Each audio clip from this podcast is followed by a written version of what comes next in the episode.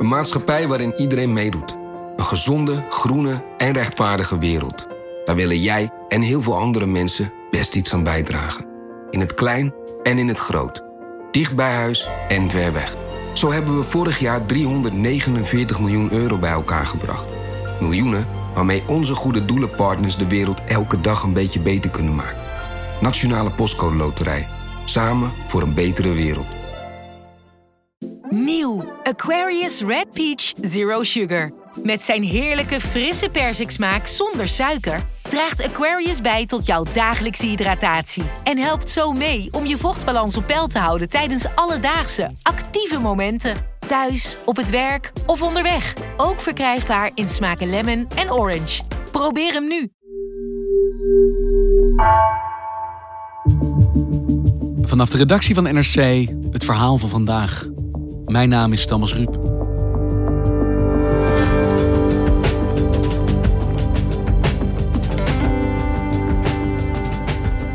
Na ruim een decennium is hij er weer. De nachttrein van Amsterdam naar Wenen. Reizen per trein lijkt aan een bescheiden comeback bezig in Europa. Kan de romantiek van de nachttrein het nog winnen van het vliegtuig? Redacteur Hans Steketee stapte in.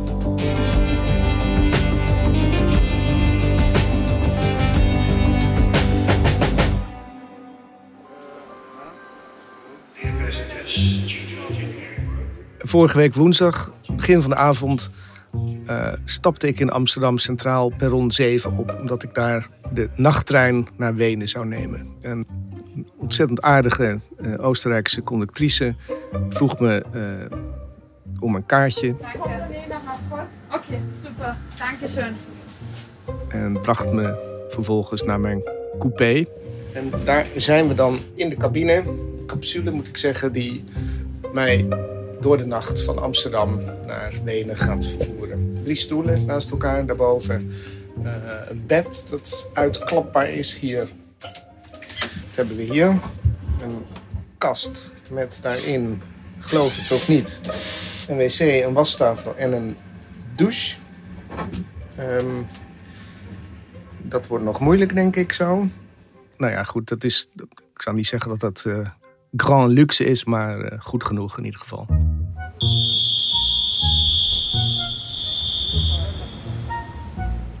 Hoe voelde jij je in je coupé toen die trein eenmaal begon te rijden? Ik had toch wel een, een soort verwachtingsvol gevoel. Want het was ja, mijn eerste buitenlandse reis in bijna anderhalf jaar. Uh, en dat niet alleen. Het was de eerste nachttrein die in Nederland reed uh, sinds 2016.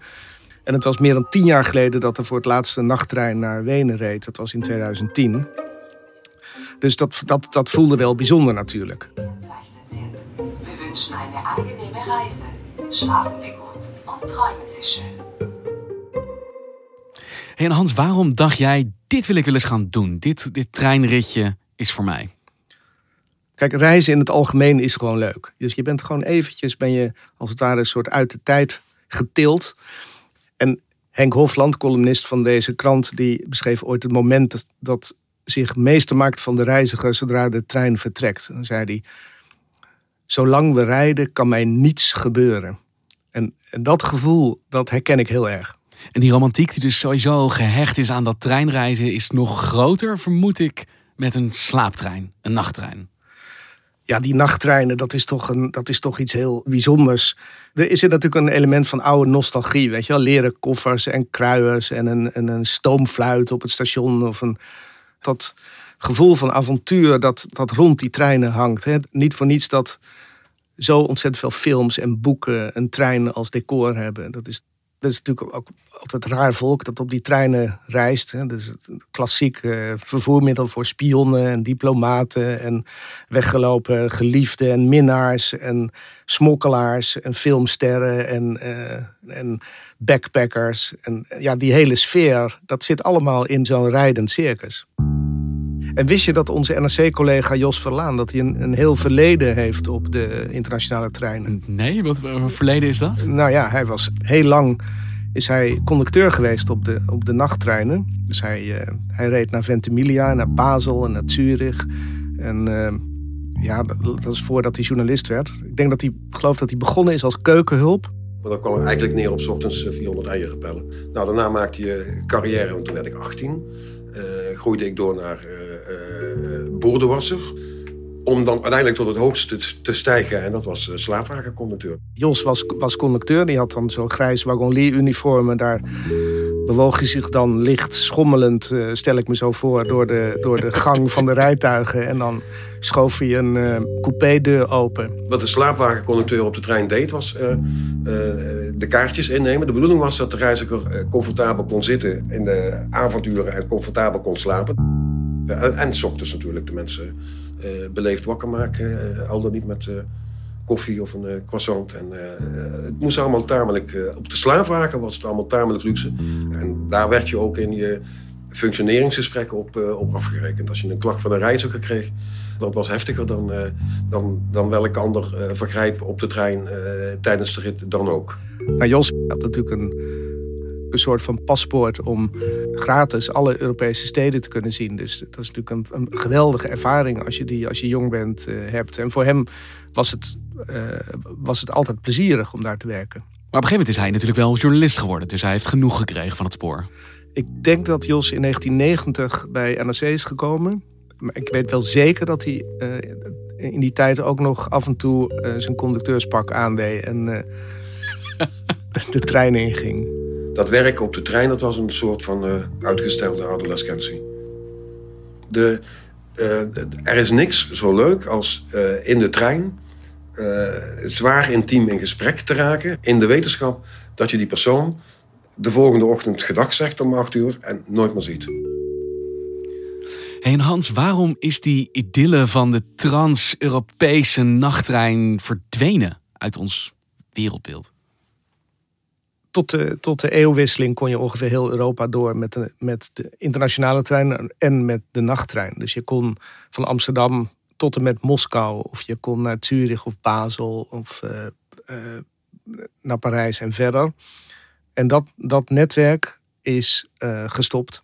In 2016 reed überhaupt de laatste nachttrein in Nederland. Maar in 2010 al is de nachttrein van Amsterdam naar Wenen geschrapt.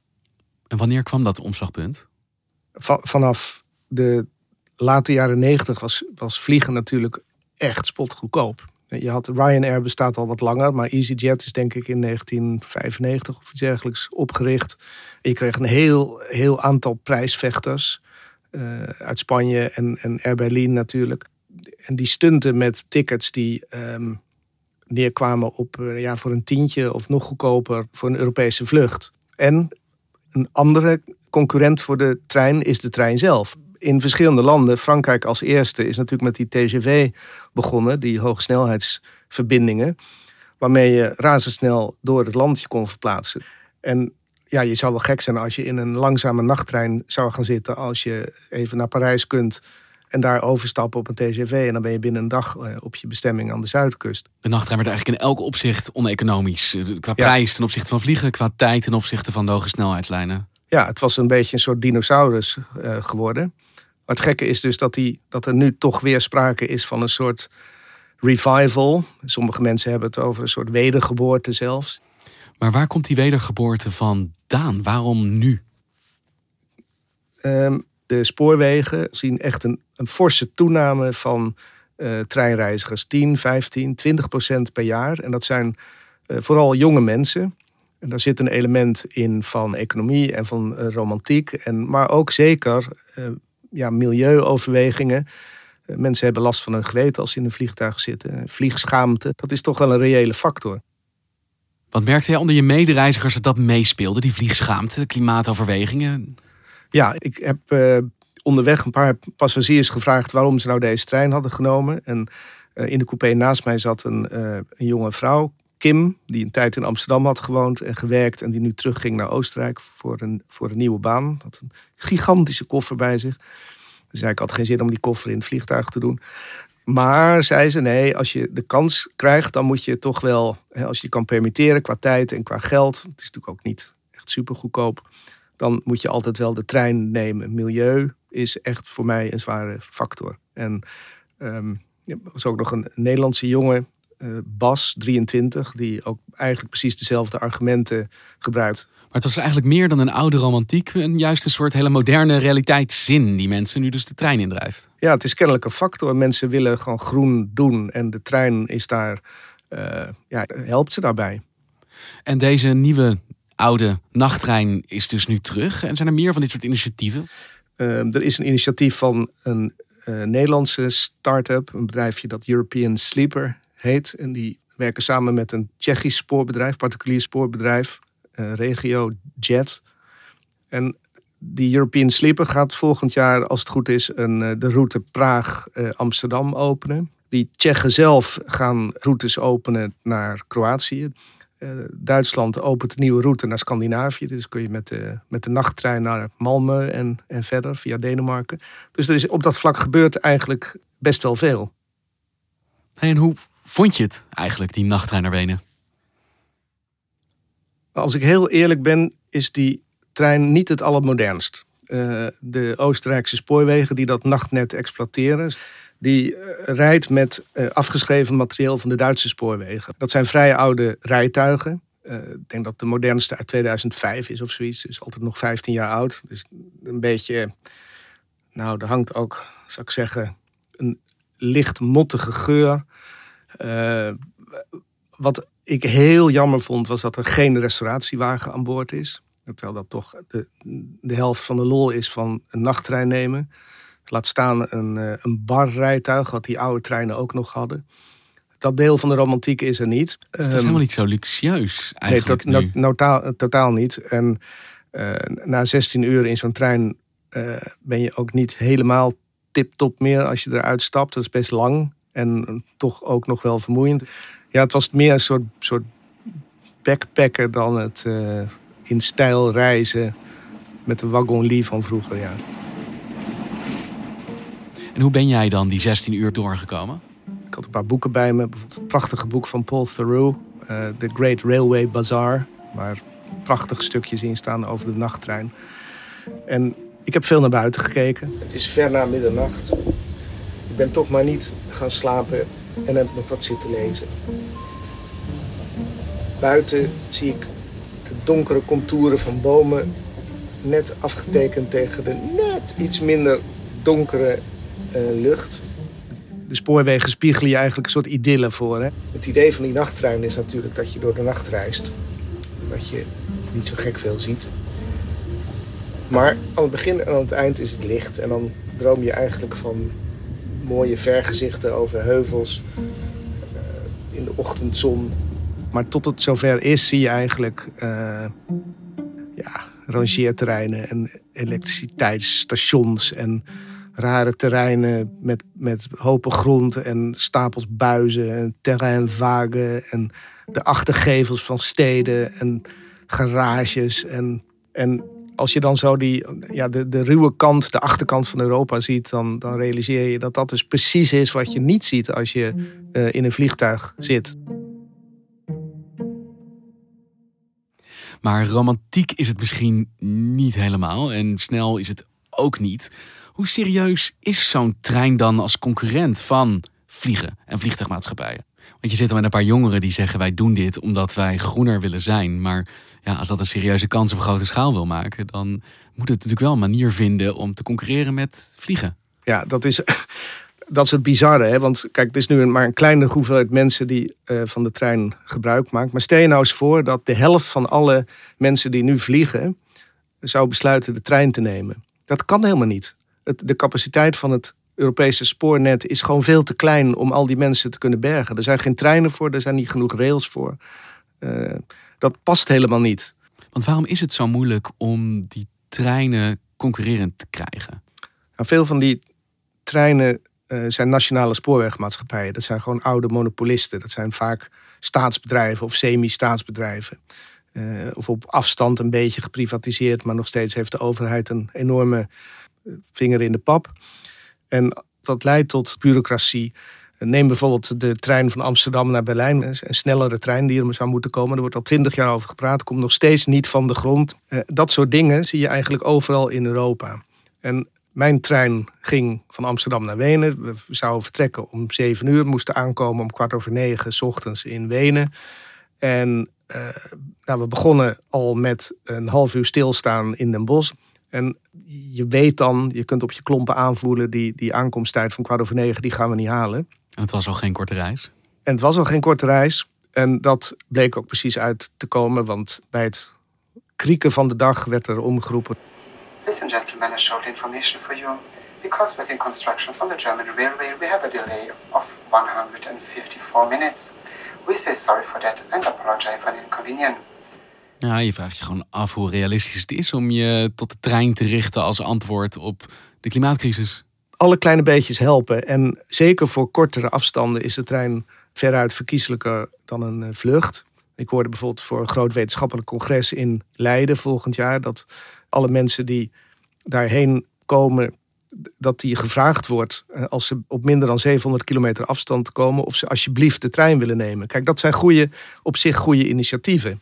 Alleen ik denk niet dat het zo is dat als iedereen maar de trein neemt, dat we dan de klimaatdoelen van, uh, van Parijs gaan halen. Het helpt, het helpt natuurlijk wel.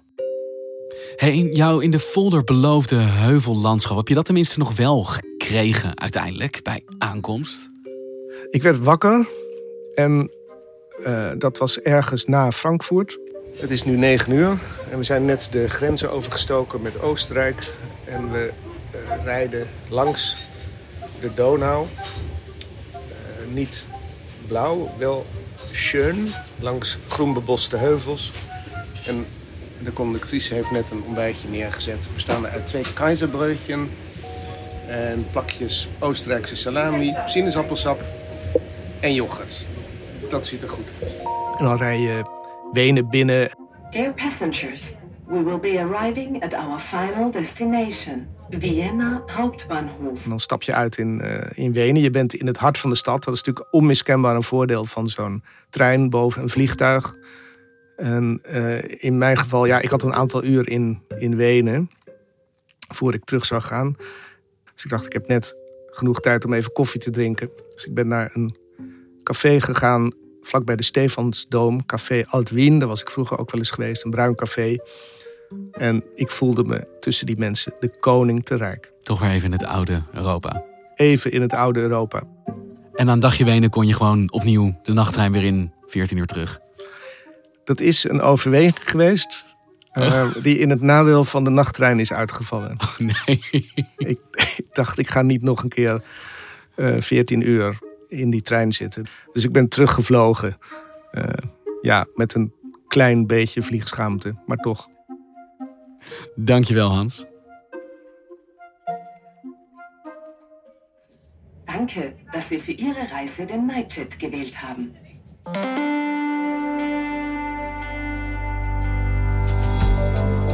Je luisterde naar vandaag, een podcast van NRC. Eén verhaal, elke dag.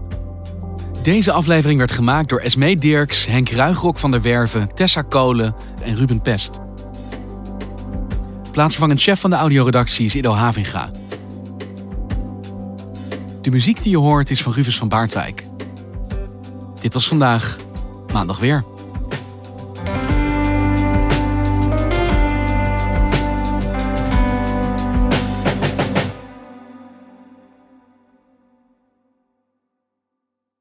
Wie reist met NS, reist net even anders. Wij reizen groen, zonder moeite te doen. Oh, zo kan je dus ook een dagje weg. En wij werken in stilte. In stilte? Nou ja, met oortjes dan. Oh. Zo gaan we iedere dag vooruit. Wij allemaal. Stap je ook in?